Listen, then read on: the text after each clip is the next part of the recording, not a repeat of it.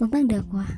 Dakwah ini tidak memaksakan, tidak menghakimi, tidak menjauhkan dari rahmat Allah, tidak merusak, dan tidak dilakukan dengan cara-cara yang tidak diridhoinya.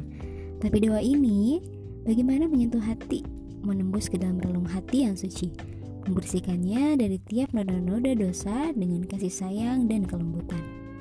Menundukkan hawa nafsu dengan kekuatan ukhuwah Islamiyah dan cinta pada Allah mengendalikan akal agar senantiasa berpikir baik dan memperbaiki keadaan dengan ilmu dan keimanan.